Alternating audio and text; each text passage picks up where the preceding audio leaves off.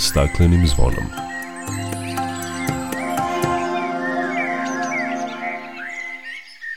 Dobar dan i dobrodošli na Zeleni talas prvog programa radija Radio Televizije Vojvodine. Ja sam Vlado Matijević.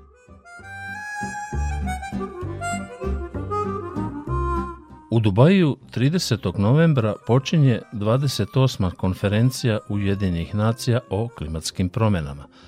Govorit ćemo o najavljenim temama o kojima će biti reći na godišnjem samitu o klimi, da li on može nešto promeniti, jer se organizuje u zemlji koja je jedna od deset najvećih proizvođača nafte. Čućete i šta znači probijanje granice prosečne globalne temperature od 2 stepena, koje se desilo 17. novembra. Sa zahlađenjem i nižim temperaturama sve je učestalije zagađenje vazduha. Biće reći i o postavljanju merača kvaliteta vazduha u Subotici, a čućete i šta pokazuje merenja koliko saobraćaj utiče na zagađenje vazduha. Čućete i priču o porodici koja živi okružena prirodom na samoj granici nacionalnog parka i svim prednostima takvog života. O tim i drugim temama više nakon pozdravne pesme. Dok priroda Za vladarskim svojim tronom. Tužno vele narikače Pod staklenim smo zvonom. Znaj vazduha više nema Sve manje je i ozona. Protiv sebe ide čovek I to često Bez pardona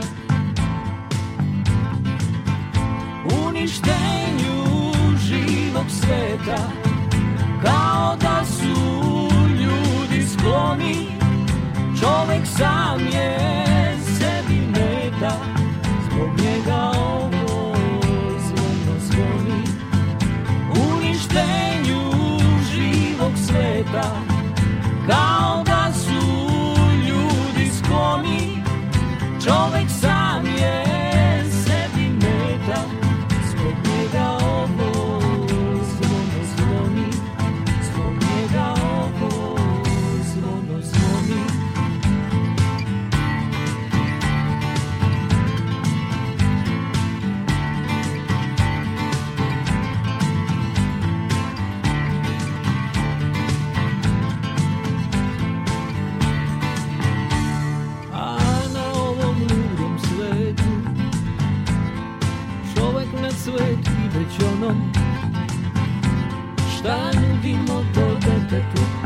Pod staklenim kad smo zvonom.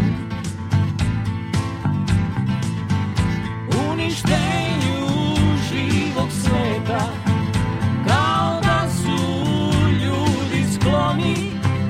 Čovek sam je sebi meta Zbog njega ovo zvono zvoni Uništenju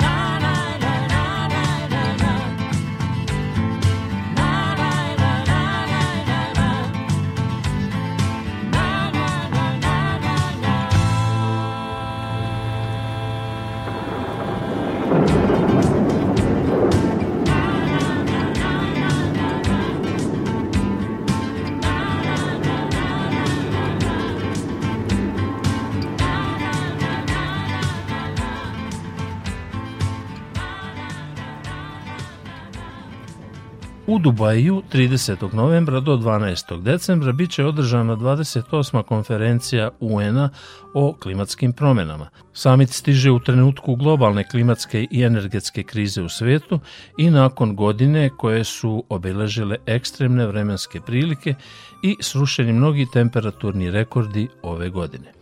Kako je najavljeno, COP28 bit će fokusiran na brz prelazak na čiste izvore energije kako bi se smanjila emisija gasova staklene bašte pre 2030. godine.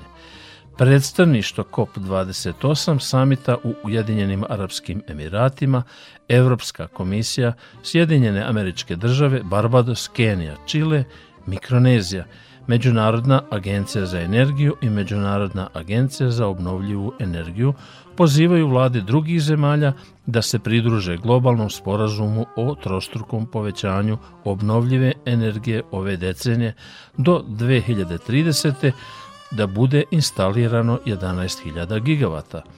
To je najvažnija stvar koja se može učiniti kako bi se ograničilo globalno zagrevanje na stepen i po Celzijusovih stepeni i izbegle posledice. Druga važna tema na samitu u Dubaju jeste pružanje finansijske podrške siromašnijim zemljama za borbu protiv klimatskih promjena. Američka administracija nije protiv tog fonda, ali insistira da Kina ulaže novac u njega zajedno sa bogatim zemljama. Kina, iako je sada daleko najveći emiter ugljenika, tvrdi da Sjedinjene američke države nose veću istorijsku odgovornost i da zemlje u razvoju ne bi trebalo da se suočavaju sa ograničenjima koja nikada nisu kočila zapad. Određeni tematski dani bit će posvećeni pitanjima kao što su zdravlje, hrana i priroda. Na samit je pozvano više od 200 vlada da diskutuju o merama za smanjenje emisija i ublažavanje efekata klimatskih promjena iako lideri mnogih zemalja poput Sjedinjenih američkih država, Kine i Indije još nisu potvrdili svoje prisustvo. Američki predsjednik Joe Biden verovatno neće prisustovati samitu. Svetskim liderima pridružit će se kralj Charles, koji će održati uvodni govor na svečanom otvaranju. Prisustvo je potvrdio i Papa Franja, što će biti prvi put da poglavar Rimokatoličke crkve učestvuje na skupu Ujedinjenih nacija o životnoj sredini od 1995. godine. Papa je rekao da će ponoviti svoj nedavni apel za akciju o suzbijanju globalnog zagrevanja. Neuspeh u Dubaju bio bi veliko razočarenje i ugrozio bi sve što je do sad postignuto, rekao je Papa Franja.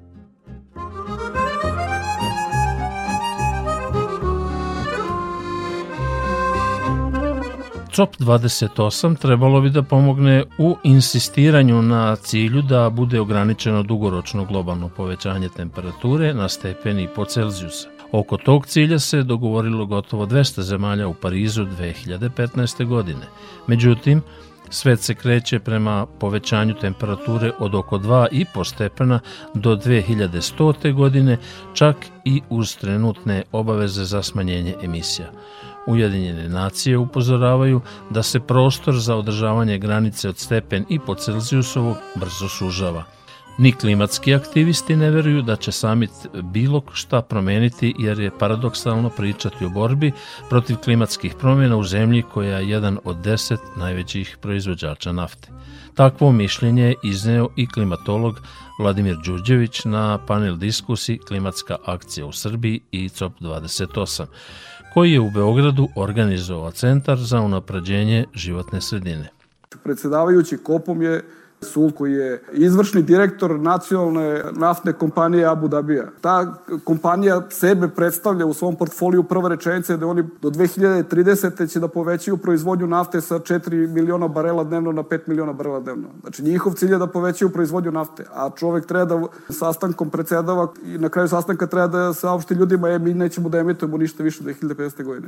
I kako vi sada verujete? Mislim, ja verujem da tamo ima puno iskrenih ljudi koji stvarno hoće nešto uradi. Ali kako vi da verujete sa tom celom sistemu? Mislim, ne ostaje nam ništa drugo nego da verujemo.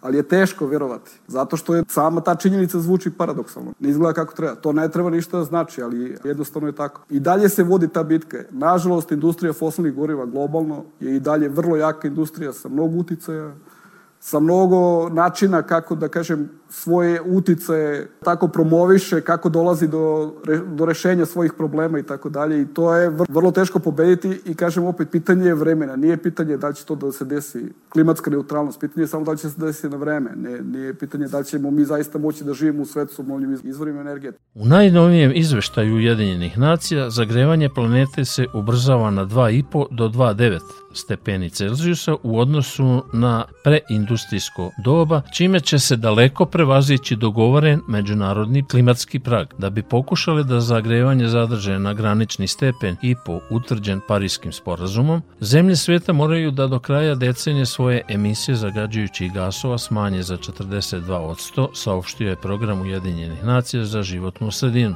Međutim, emisije CO2 od sagorevanja fosilnih goriva porasle su prošle godine za 1,2 od navodi se u izveštaju pripremljenom za godišnju konferenciju UN-a o klimi. Prema podacima službe Evropske unije za klimatske promene Kopernikus, 17. novembra probijena je granica prosečne globalne temperature od 2 stepena. Time je nakratko prekoračen ključni prag globalnog zagrevanja na koji klimatolozi upozoravaju već decenijama, a koji je definisan Parijskim sporazumom. Ovaj rekordni novembarski dan ne znači da je globalna akcija zaustavljanja klimatskih promena propala, ali je ipak reč o važnom presedanu, smatra klimatolog Đurđević.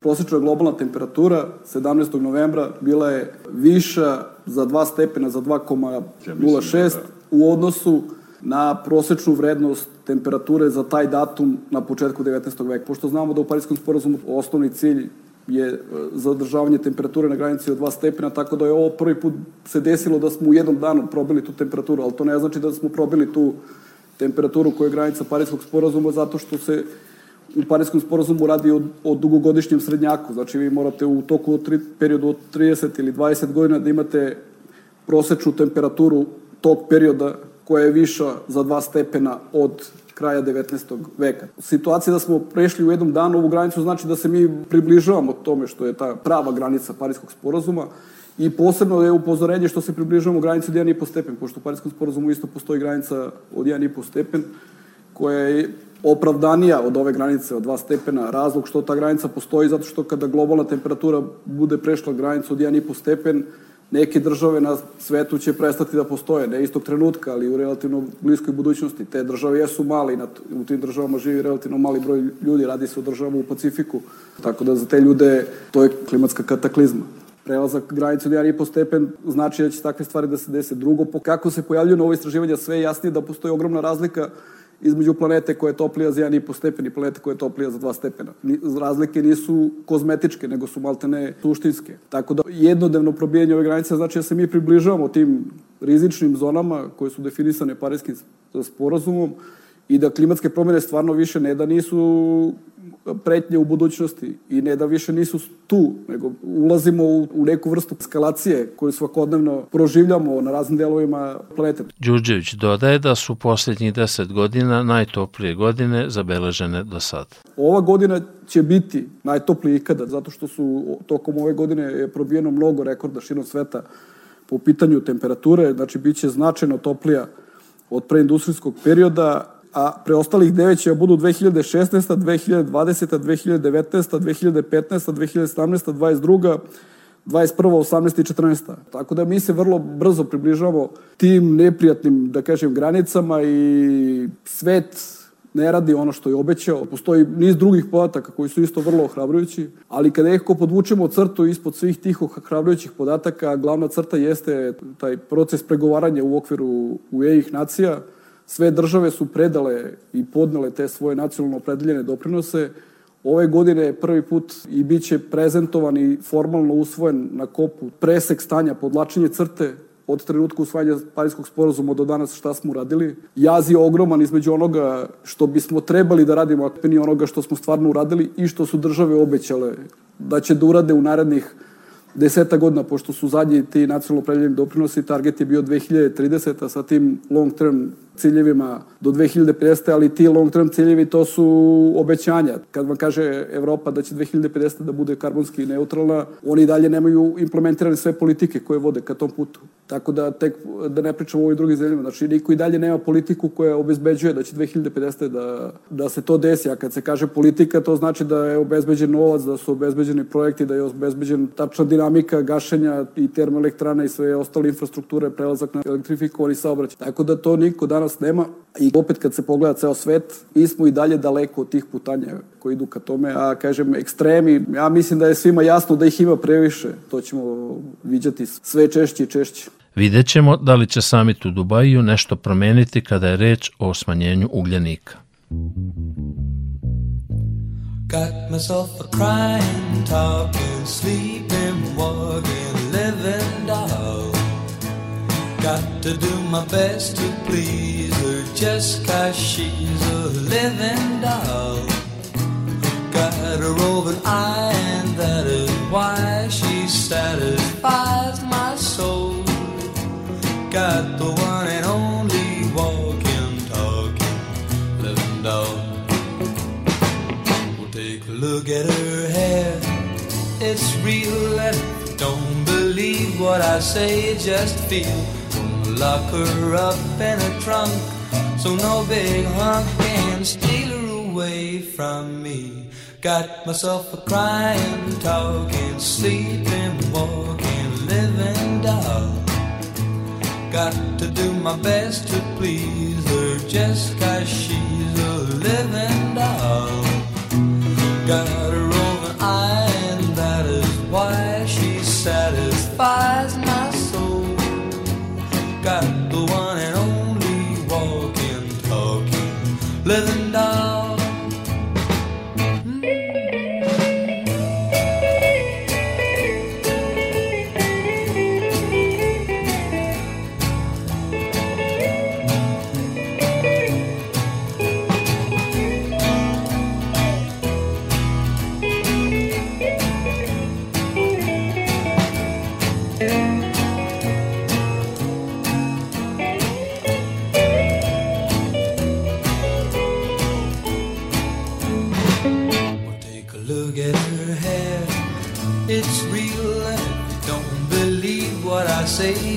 feel.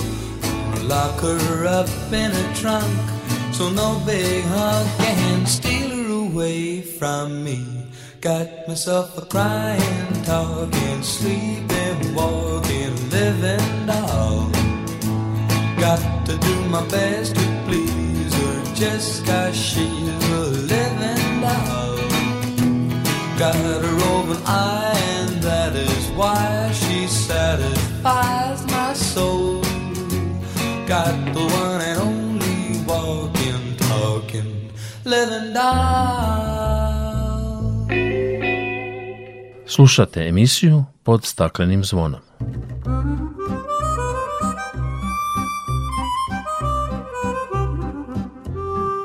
Podpredsjednik Evropske komisije Maroš Šefčović izjavio je u Rotterdamu na otvaranju četvrtog foruma Evropske unije o čistom vazduhu da je zagađenje pitanje socijalne jednakosti.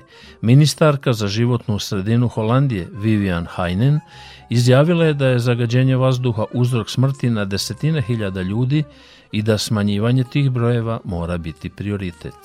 Donošenje i sprovođenje mera za borbu protiv zagađenja vazduha zahteva dobro liderstvo, saradnja EU je ključna u tome u zaštiti naših građana i budućih generacija. Čist vazduh je na vrhu agende Europske unije i tako treba da ostane, izjavila je ona i dodala da se Holandija vodi parolom dela, a ne reči, pa je pozvala Europsku komisiju, državne članice i civilno društvo da nastave da preuzimaju aktivnosti u borbi protiv klimatskih promjena – Pažnja skupa u Rotterdamu bila je posvećena tekućoj reviziji pravila Europske unije o kvalitetu vazduha. A kod nas, sa zahlađenjem i nižim temperaturama, sve je učestalije zagađenje vazduha.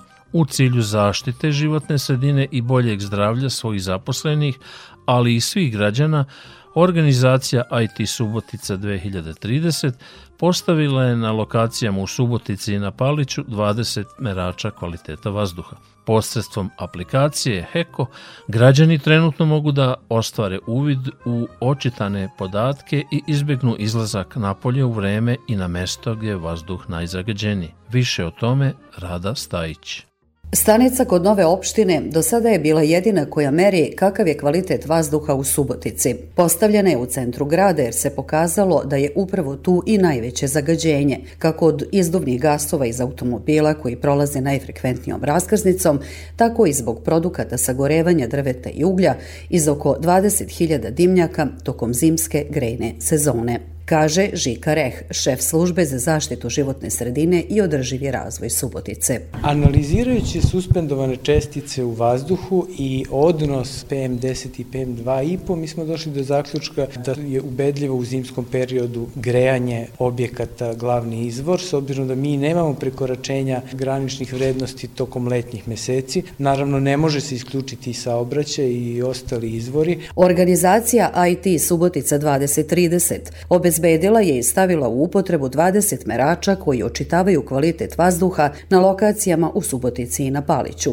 Subotica do sada nije imala takozvane građanske merače koji podatke o zagađenju vazduha pokazuju trenutno, a ovo je prvi primer u Srbiji gde se privatni sektor jednog grada organizovao i postavio takve uređaje. Ističe Petar Stakić, izvršni direktor organizacije IT Subotica 2030. Kada znamo podatke, onda znamo i konkretnije šta može da se radi na temu sprečavanja zagađenja u budući, kako može i grad, naravno, koji je na to najsposobniji da uradi, ali mi kao organizacija da pomognemo. Da li su to neke tehnološke inovacije, ali s druge strane mislim da je pre pomoć gradu u edukaciji građana i informisanju kako da se ovaj problem reši. Dejan Lekić, član stručnog saveta Nacionalne ekološke asocijacije, pomogao je u izboru građanskih merača koji su postavljeni u Subotici i na Paliću, zahvaljujući organizaciji IT Subotica 2030, a u uvidu rezultate njihovih očitavanja svi mogu da ostvare u svakom trenutku, zahvaljujući aplikaciji X-Eco čiji je on kreator. Ističe Dejan Lekić, član stručnog saveta Nacionalne ekološke asocijacije i kreator aplikacije X-Eco. U realnom vremenu građani mogu da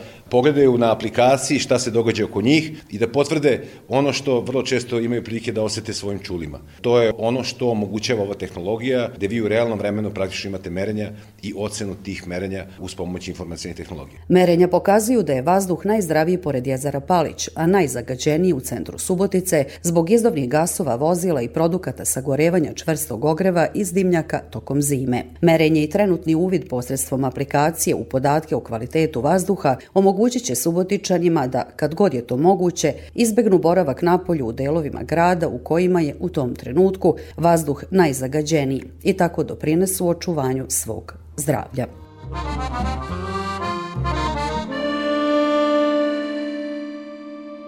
Čuli ste Vazduh u Subotici najzagađeniji u centru grada, a razlog su individualna ložišta, ali jednom delom i saobraćaj.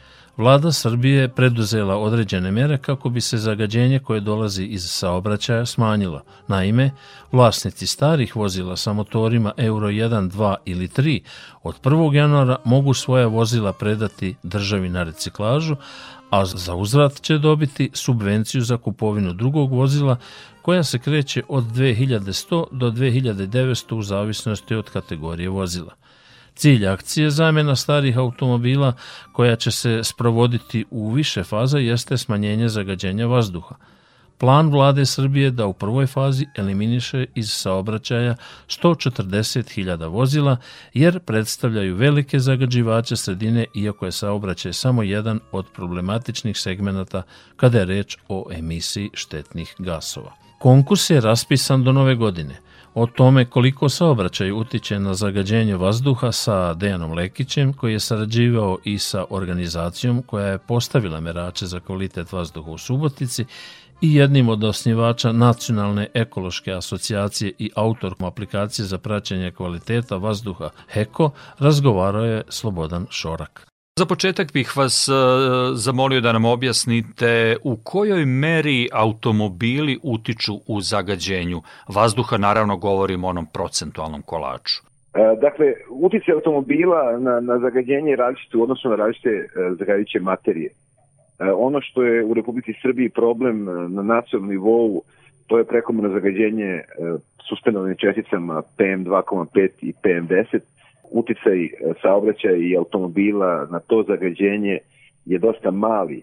Dakle, on je u principu prema svim svetskim kriterijima ispod 10%, sem u vrlo urbanim sredinama gde je jako gus saobraćaj kada to može da ide u, u pikovima takozvanim, dakle u onim saobraćajnim gužama i do 20%.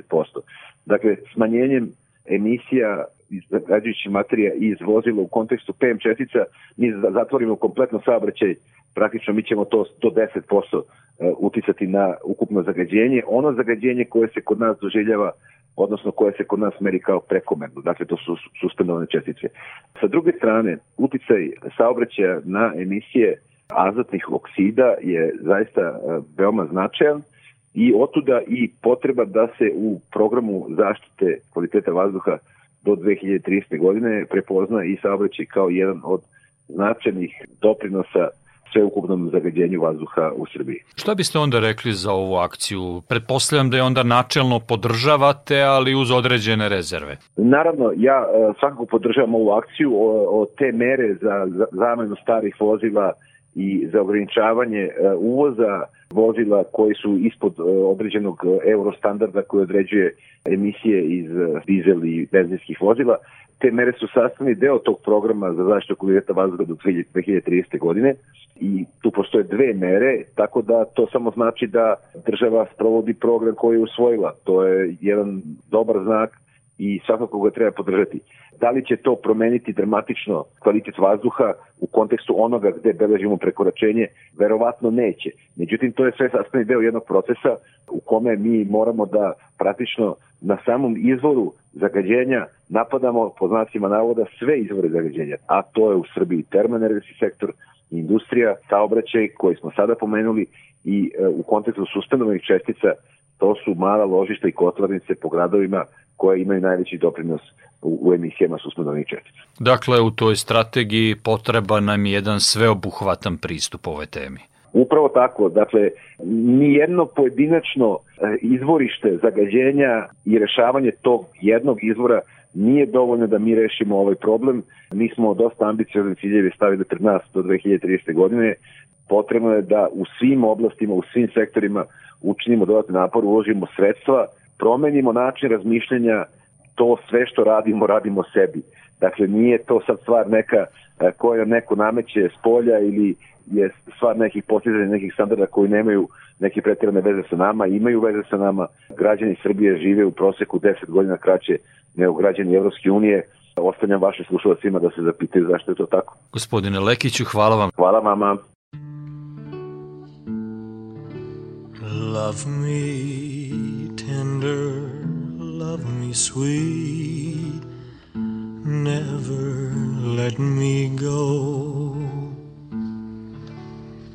You have made my life complete, and I love you so. Love me tender, love me true, all my dreams fulfill. For my darling, I love you, and I always will. Love me tender, love me long, take me to your heart, for it's there that I belong and will never part. Love me tender, love me true, all my dreams fulfill. For my darling, and I always will. Love me tender love me, dear. tell me you are mine. I'll be yours through all the years till the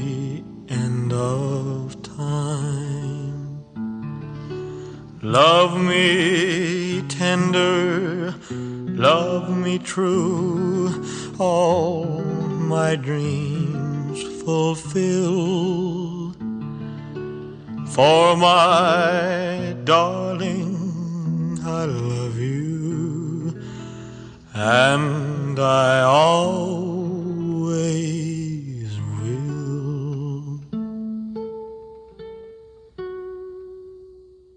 Da li je u današnje vreme privilegija živjeti okružen prirodom, svakodnevni kontakt sa šumom, pticama i zvucima prirode ili koristiti prednosti urbanog života? Razgovarao sam sa Milanom Basarić, koja je odlučila da sa svojom porodicom živi u direktnom kontaktu sa prirodom i na samoj granici nacionalnog parka.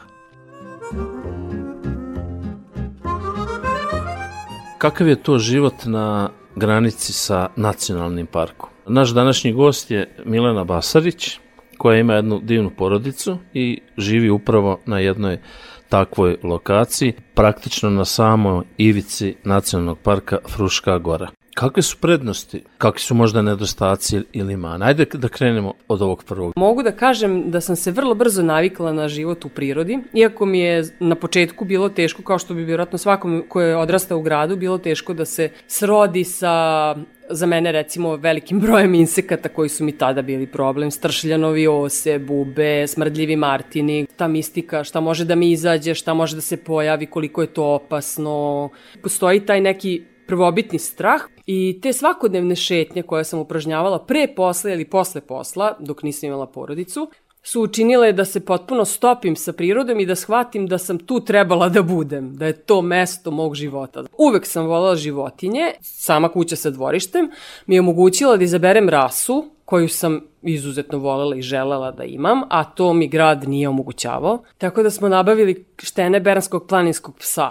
Rasa koja preferira e, veliku nadmorsku visinu i kretanje kroz e, planinske predele i vole i vodu između ostalog. Tako da e, provodim svakog dana vreme sa svojim psom. Znači, nijedna šetnja nije bez psa. Taj pas mi je prijatelj, ali u istovremeno mi je i sigurnost. Uvek se osjećam bezbedno, jer je pas veliki, nije agresivan, neće nikoga napasti. Ako me bilo šta sretne, ne znam, divlja svinja, lisica, ako mi ikad izleti, što se naravno nikada nije desilo, niti će se desiti. E, najveća prednost je svakodnevni kontakt sa prirodom i šuma kao a, reset od realnosti. E, drugo, podizanje dece u blizini šume je neverovatna blagodet, zato što deca rastu slobodno. Prvo rastu slobodno u odnosu na prirodu, nemaju nikakvu barijeru prema zemlji, prema bubama, prema žabama, prema zmijama, obožavaju vodu, a to je sve krenulo od jezera koje svakodnevno posećujemo jer živimo bukvalno hodom tri minute do jezera. Potpuno su slobodni. Njih tri dođu do jezera i ulaze, skidaju patike i ulaze u onaj mulj. One to gnjave rukama, obožavaju prirodu sakupljamo u svakoj šetnji ili kesten ili žir. Drugo, one znaju, znači to je meni normalno zato što mi tako živimo. Normalno mi je da znaju vrste, kako izgleda list od hrasta, list od bukve, list od lipe, kako izgleda kora od hrasta, kako izgleda kora od bukve. Znači, dete koje ima 3, 5, 7 godina zna da razlikuje biljke, zato što je svakodnevno sa njima. I ta spontanost u prirodi mnogo se razlikuje od dece koje žive u gradu. Znači, baš se vidi velika razlika. Ali svakako da instinkti koje su oni stekli ovde možda imaju prednosti dole mi smo se trudile da postoji kontakt sa gradom, upravo da ne bi bili mali frikovi, mali čudaci. Tako da sam ih vodila od malena, um, na, pošto sam ja pevala u horu 26 godina, uh, vodila sam ih na uh, horske koncerte, bili su na koncertu duhovne muzike gde su uživale. Znači nije bilo ni jednom mama hoćemo kući. Ali to je bilo od malena. Isto tako pozorišne predstave. E, jako je čudno što su od, one razvila odnos prema deci iz grada kao da im je na neki način žao kako one su zatvoreni, kako su zatvoreni u stanu i kako je njima izlazak napolje, izlazak na igralište kad ih mama i tata odvezu. Jer one su napolju non stop i recimo razlikuju ptice što druga deca znaju za vrapci i za golubu. Videli su uživo detlića koliko puta, orla, Imali smo vevericu Marinu koja je dolazila redovno, tako da su to neke glavne prednosti. Ja mislim da je to nešto što moje čerke nikada ne bi menjale za bilo koju drugu opciju. A jako mi je interesantno kad, kad si nam pričala o tome da zajedno porodično, dakle sa sve tri čerke i suprugom, berete šumske plodove i od svega toga pravite interesantnu zimnicu. E, svaki drugi dan, recimo, ako je lepo vreme, a čak i ako nije lepo, čak i ako kiša pada, one obožavaju kišu i idemo u šetnju i tada. I po snegu, i, i sad kada živiš u šumi, ne postoji omiljeno godišnje doba. Čak nam je najmanje omiljeno godišnje doba leto. Obožavamo jesen, zimu i proleće. Zato što tada provodimo vreme u šumi. Leti je velika, visoka temperatura, veliki broj insekata i sparno je u šumi. Te porodične šetnje koje su vikendom, kada idemo i suprug i deca i ja, uh, idemo u duže šetnje, ponesemo ranac sa hranom, obavezno stavimo neke jabuke, orahe, nešto koštunjavo da bude u torbi i idemo da beremo redovno svake godine šipak. Imamo mesta gde beremo taj divlji šipak, divlji šipak na nekim našim mestima koja su zavučena, tako da penzioneri ne dođu do njih.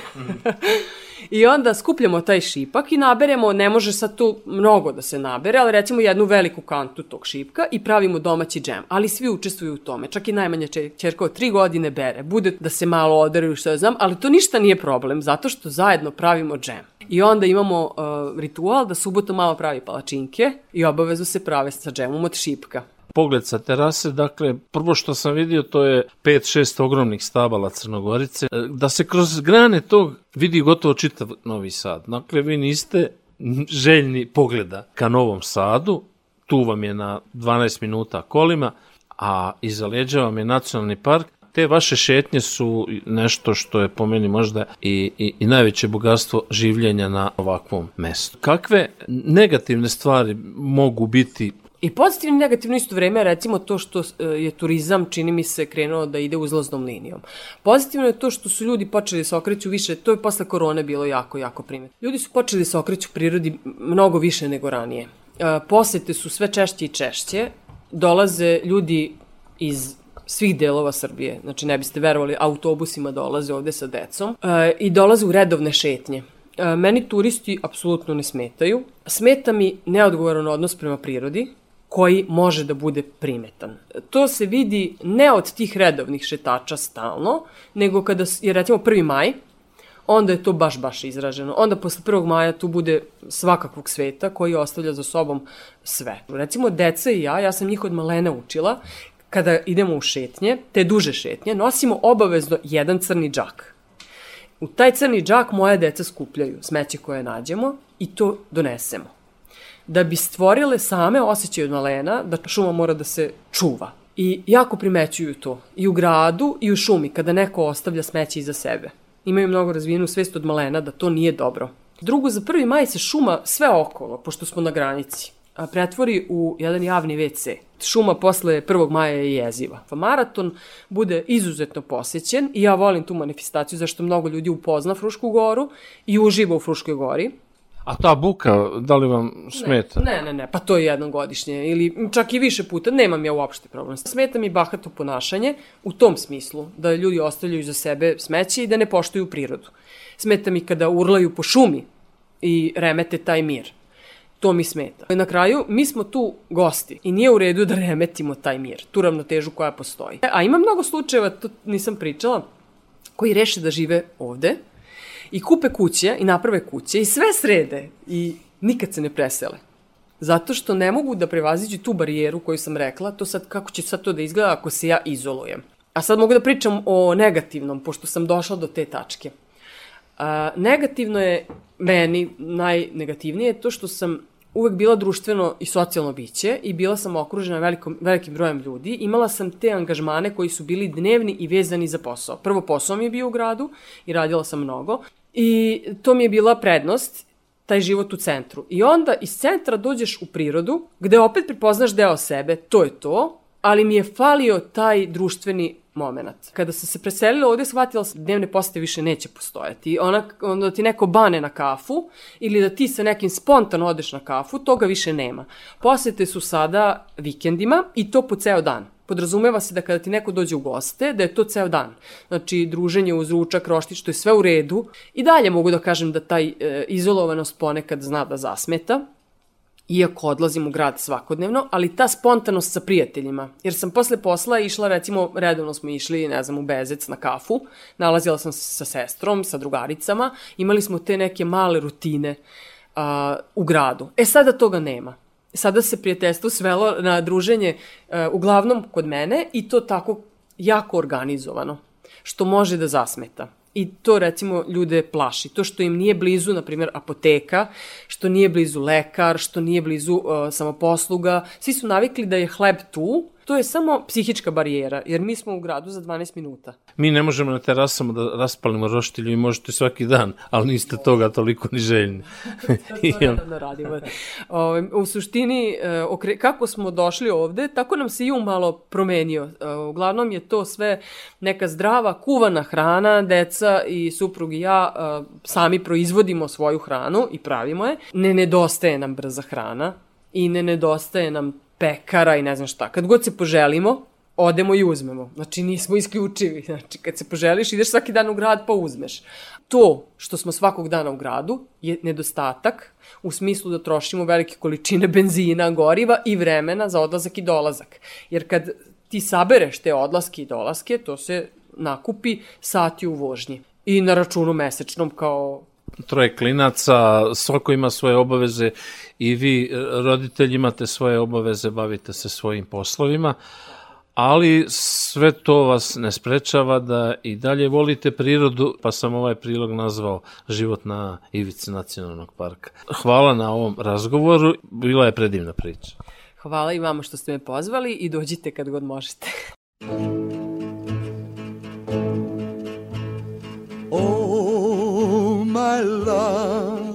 My darling, I've hungered for your touch a long, lonely time.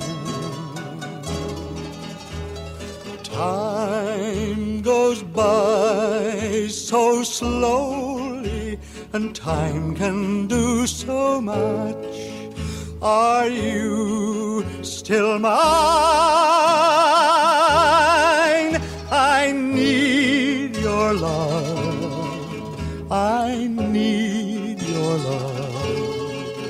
Godspeed your love to me. Lonely rivers flow to the sea, to the sea to the open arms of the sea. Lonely rivers sigh, wait for me, wait for me. I'll be coming home, wait for me. Oh, my love, my darling I've hungered for your touch a long, lonely time. Time goes by so slowly, and time can do so much. Are you still mine? I need your love. I need your love. Godspeed your love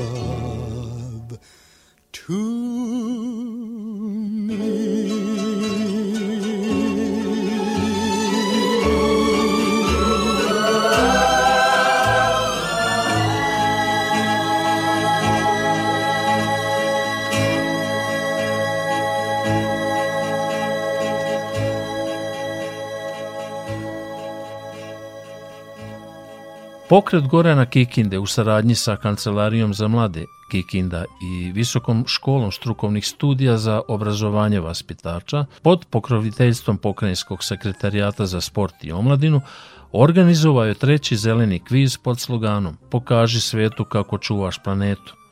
Deca su u okviru praktičnih aktivnosti ukazala na pravilno razvrstavanje otpada, reciklažu, poznavanje pojmova o ekologiji i ulozi čoveka u održavanju i zaštiti životne sredine.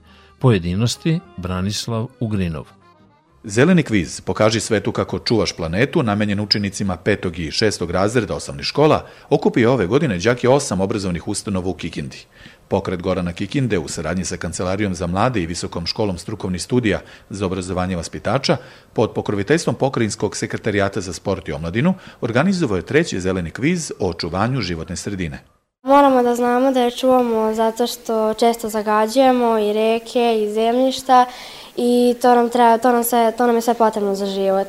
Tako što ne bacimo smeće pored kante ili pored kontejnera, nego u kontejneru ili u kanti da bi sačuvali neku našu životnu sredinu. Kviz je obuhvatio razne praktično oblikovane aktivnosti koje podstiču razvoj svesti kod mladih o značaju i mogućnosti očuvanja, racionalnog korišćenja i unapređenja životne sredine, kaže Nevena Mesara Šoričkov iz pokreta Gorana Kikinde. Svi učesnici dobijaju mlade sadnice listopadnog drveća, a e, finalisti e, dobijaju zelene vaučere koje će moći da zamene sa listopadnim drvećem ili e, nekim cvećem po sobstvenom izboru i da time oplemene svoju školu i svoju sredinu. Deca su u okviru praktičnih aktivnosti u zelenom kvizu ukazala na pravilno razvrstavanje otpada, reciklažu, poznavanje pojmova o životnoj sredini i ulozi čoveka u održavanju i zaštiti životne sredine. Evo koja je uloga i Kancelarije za mlade u Kikindi, koju je objasnila Dunja Ćešić. Kancelarija za mlade svake godine obnavlja saradnju sa pokretom Gorana Kikinde, jer smo tu da podržimo njihovu inicijativu za podizanje e, svesti kod mladih o očuvanju životne sredine i o ekologiji uopšte. Edukacija iz oblasti ekologije je jedan od najvažnijih koraka ka lepšoj budućnosti, jer ekološki edukovati prvobitno decu zahteva posao koji traje ne samo godinama, nego i decenijama, ali je upoznati prirodu i učiti na koji način je štitimo od neprecenjivog značaja.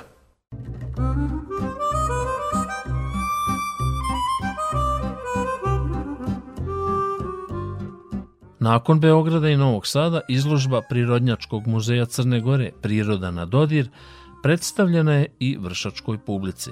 Interaktivna izložba namenjena je i osobama sa senzitivnim smetnjama, izjavila je direktorka Prirodnjačkog muzeja Crne Gore Natalija Rađenović. Izložba je pobudila veliku pažnju posetilaca i bit će otvorena do 20. decembra, javlja Ana Marić iz Vršca. Biljni životinski svet koji nas okružuje i koga često nismo ni svesni, na izložbi se nametnuo posetiocima da ga osete svim svojim čulima. Izložba gdje možete slabovide i slijepi posjetioci na osnovu dodira i zvuka mogu da saznaju nešto više znači o prirodi. E, mi smo sad tu predstavili prirodnu i prirodnu i kulturnu baštinu Crne Gore gdje u stvari dodir i zvuk su posebna čula koje mogu na poseban način da izraze i da im dočaraju kako izgledaju znači živa bića u prirodi. Tako da na osnovu teksture oni mogu da saznaju o kojoj životinji ili biljci je riječ. Eksponati predstavljeni na izložbi zaintrigirali su najmlađe da se osmele i dodirnu daždevnjake, ptice, pečurke i sve ono čega su se možda bojali. Videli smo bubomoljku i ovog delfina i vatrenog guštera i sve to. Jeste smeli da dodirujete ove životinje? Da. I kakav je osjećaj kad dodirnete? Lep.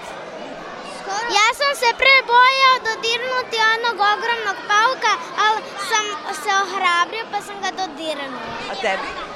Ja sam pipnula sve što sam mogla. Šta je najnežnije? Delfin. Meni je bilo lepo, ali najviše mi se svidao delfin i onaj kao gušter sa crnim, mislim on je crn i ima žute one tačkice. Jesi smela da ga dodirneš? Da. Meni je bilo super. Malo sam se uplošila od onog škorpiona tamo. Malo sam se uplošila, mi je bilo lepo. Ovo je pilot projekat Prirodnjačkog muzeja Crne Gore, gde se po prvi put izlažu modeli koji su u potpunosti prilagođeni osobama sa invaliditetom. Izrađeni su u 3D formatu, a izložba je dopunjena na osnovu potražnje publike, pa su tako modeli ptica prvi put izloženi u vršcu na osnovu upita Udruženja slepih i slabovidih osoba Južnog Banata.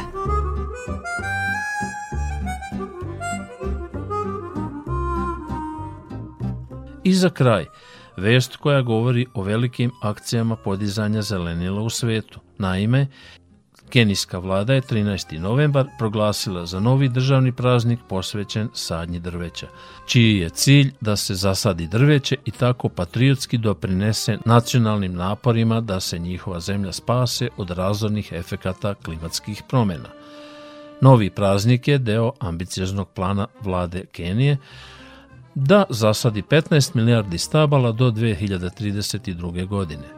Kenijsko ministarstvo za životnu sredinu, klimatske promjene i šumarstvo saopštilo je da će obezbediti sadnice drveća, a praznik, kako se navodi, predstavlja dokaz posvećenosti vlade Kenije obavezama u vezi sa klimatskim ciljevima. Darling, you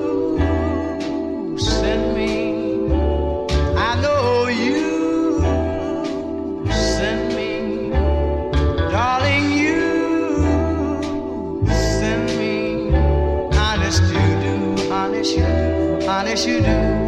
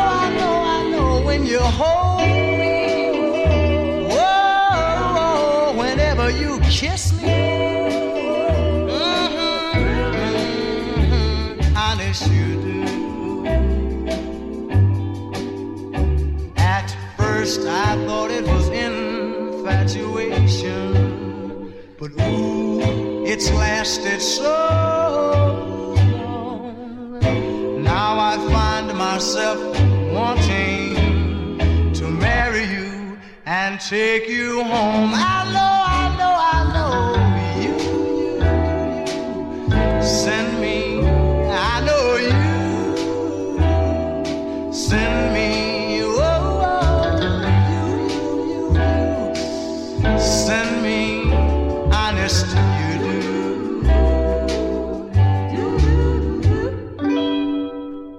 Toliko u ovom izdanju emisije pod staklenim zvonom, koju možete slušati odloženo na podcastu Radio Televizije Vojvodine na adresi rtv.rs. Emisiju realizovali Iboja Šanca, Maja Tomas, Vlado Matijević i Dragana Ratković. Naredni susret zakazujemo za sedam dana u isto vreme na zelenom talasu prvog programa radija Radio Televizije Vojvodine.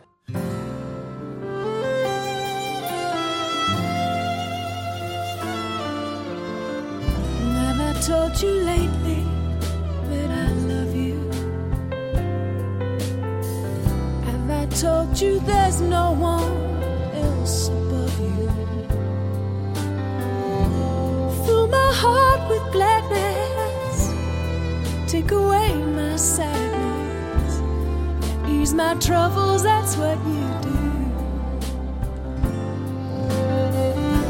Oh, the morning sun all its glory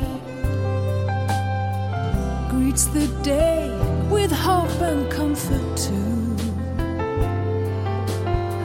And you fill my life with laughter, you can make it better. You ease my troubles, that's what you do.